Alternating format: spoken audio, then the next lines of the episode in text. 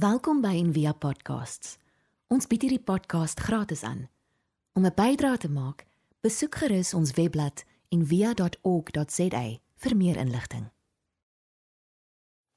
Wat beteken hierdie woorde? Saligs die wat rein is van hart, want hulle sal God sien.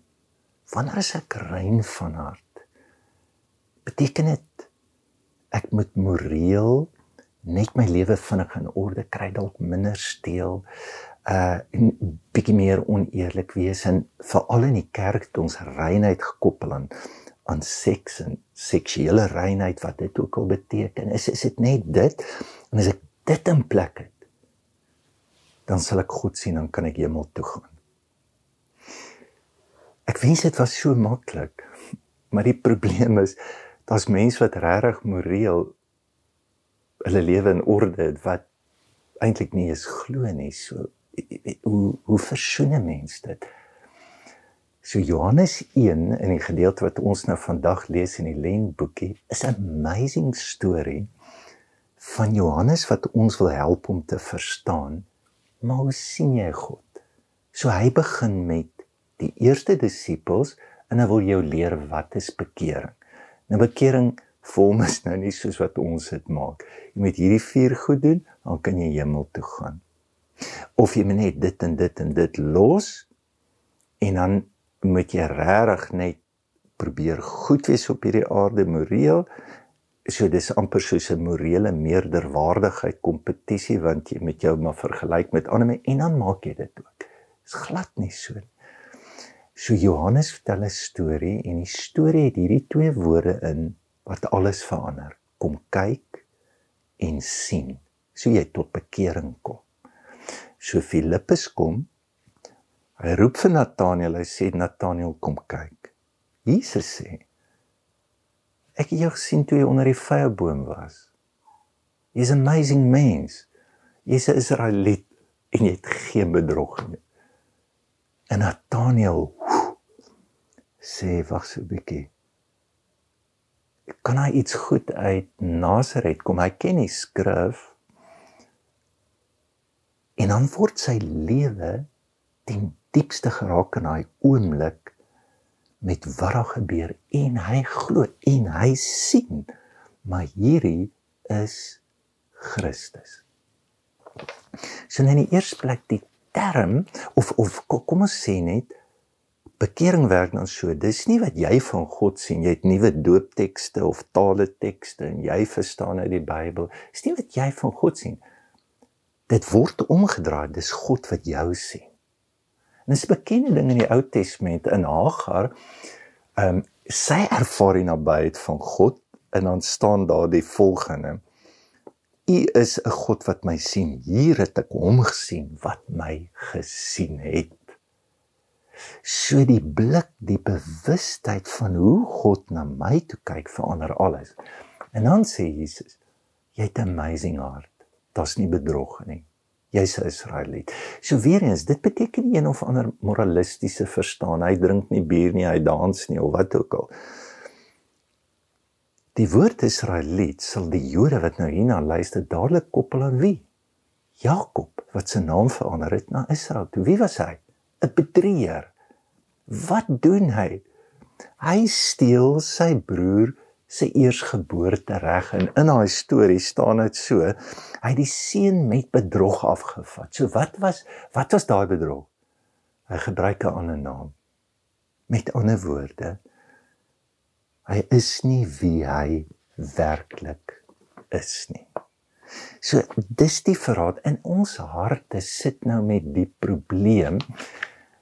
Hy dink, hy begeer, hy voel, hy wil, hy besluit, hy Hy's die hele tyd besig en hy besige hart vat my of na 'n ander naam toe. Waarmee ek veilig wil voel, aanvaar wil voel, geseënd wil voel of dit vat my na wie ek werklik diep diep binne my is. In Spreuke 4:23 sal sê bewaar jou hart meer as alles want daaruit sê oorspronge van die lewe. As jy hom nie oppas nie, dan doen hy wat Jakob doen. Hy vat dit, hy vat dit, hy's daar, hy's daar, hy's daar. So Jesus of kom ons sê net Jeremia sê ook uh Jeremia 17:9 bedrieglik bo alle dinge is die hart van die mens. Sê moenie so kwaai worry oor die ander ouens wat so shaky is nie. Worry oor jou eie hart bedrieglik bo. As jy dink aan bedrog hier buitekant, pas op vir jou hart. Dis eintlik wat hy sê. En dan sê Jesus, onthou nou is nie wat ingaan wat ons onrein maak, wat ons uitgaan en dan noem hy daai goed. Dis hoerery, dis laster, dis valse getuienis, dis diewery in Matteus 15. So dit is net 'n versamelnaam vir ons intensies, begeertes, ons verlangens. Dis jou hart. So wat beteken dit om 'n rein hart te hê? Soren Kierkegaard het gesê, purity of heart is to will one thing toe Jesus gedoop was, het hy die naam gekry the single one. Daar's een intensie. Daar's een begeerte, daar's een behoefte, een verlange. Hoe het ek God meer lief? Want as ek dit kan doen, dan sal ek myself meer lief hê. Ek sal mense meer lief hê. Ek sal hierdie wêreld lief hê. Ek sal groter verdraagsaamheid en en compassion hê. Die die goed wat ek so graag in my lewe wil hê. En as dit nie net een is nie, sal ek altyd 'n Jakob word. 'n Verdeeldheid, 'n tweeledigheid of wat die Bybel ook noem 'n dubbelhartige hart. En die tweede plek wat jou hart gaan doen is hy gaan na goed gryp. Hy gaan na hy vat hier, hy vat daar. Hy hy gaan alles verdeel in jou lewe. En is miskien is daar 'n analogie van die vrye boom dat die vrye boom Jode sou glo dat die boom van kennis goed en kwaad is nie 'n appelboom 'n vrye boom. En dan rabbies as hulle die wet bestudeer sou hulle onder 'n vrye boom sit net simbolies alleen in stilte om te verstaan maar hoe behaag ek God dat ek reg doen of verkeerd doen. En dit lyk vir my dis vir ons moeilik om te onderskei wat dit is. Vir Eva was dit dis die regte ding om te doen en dit was lekker die satisfaksie die gevoel jy is soos God. Maar wat is die effek daarvan? Die eenheid in hulle huwelik en hulle lewe saam is ewe skielik twee begin mekaar te blameer skeer ons lewe in twee dan die laaste ding so as jy iemand sien dan beteken dit nabyheid En ons sê God is oral. En is die waarheid. Op berge en in dale. Dis oral. In jou pyn, in jou blydskap. In jou sonde, in jou sterkheid, in jou swakheid. God is oral. Dis net ons hart wat dit nie kan sien. En ons moet haar hart skoon maak. Cynthia Bourgeau sê ook So the beatitude is not about sexual abstinence, it's about cleansing the lens of perception. En die ou kerkvader sou jou kon help. Pontius Evagrius 400 jaar na Christus, hy het maar eintlik gewerk met al hierdie punte van wat ons vandag in die Enneagram gebruik van woede van uh belast van gluttony van wat ook al. En sê okay okay kyk kan jy kan jy sien waarna toe vat hierdie begeerte? Kyk het jy hom gevolg? Het jy gesien waarna toe? Jy gesien hoe verdeel hy jou sny jou af van God?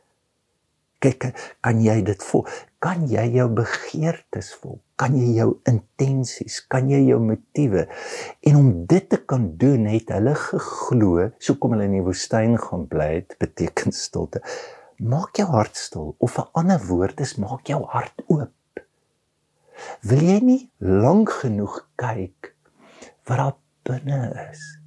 En wil jy nie die Here se hulp vra in dit in dat die Here hierdie hart wat so vat en so gryp dat dit een ding kan word. Dalk het jy 'n plek nodig om dit te kry, 'n vyeboom. Dit is baie simbolies dalk het jy ook soos Nathaniel tyd nodig om alleen met die begeerte, die behoefte, die verlange om my pad met God te kan loop dalk is dit dit. Mag jy in lent ervaar hoe die Here jou roep, jou trek en mag jy die gevoel kry wat gebeur as hierdie hart van jou een word in 'n diep verlange na God. Ons hoop van harte jy het hierdie podcast geniet of raadsaam gevind. Besoek gerus en via.ok.za vir meer inligting.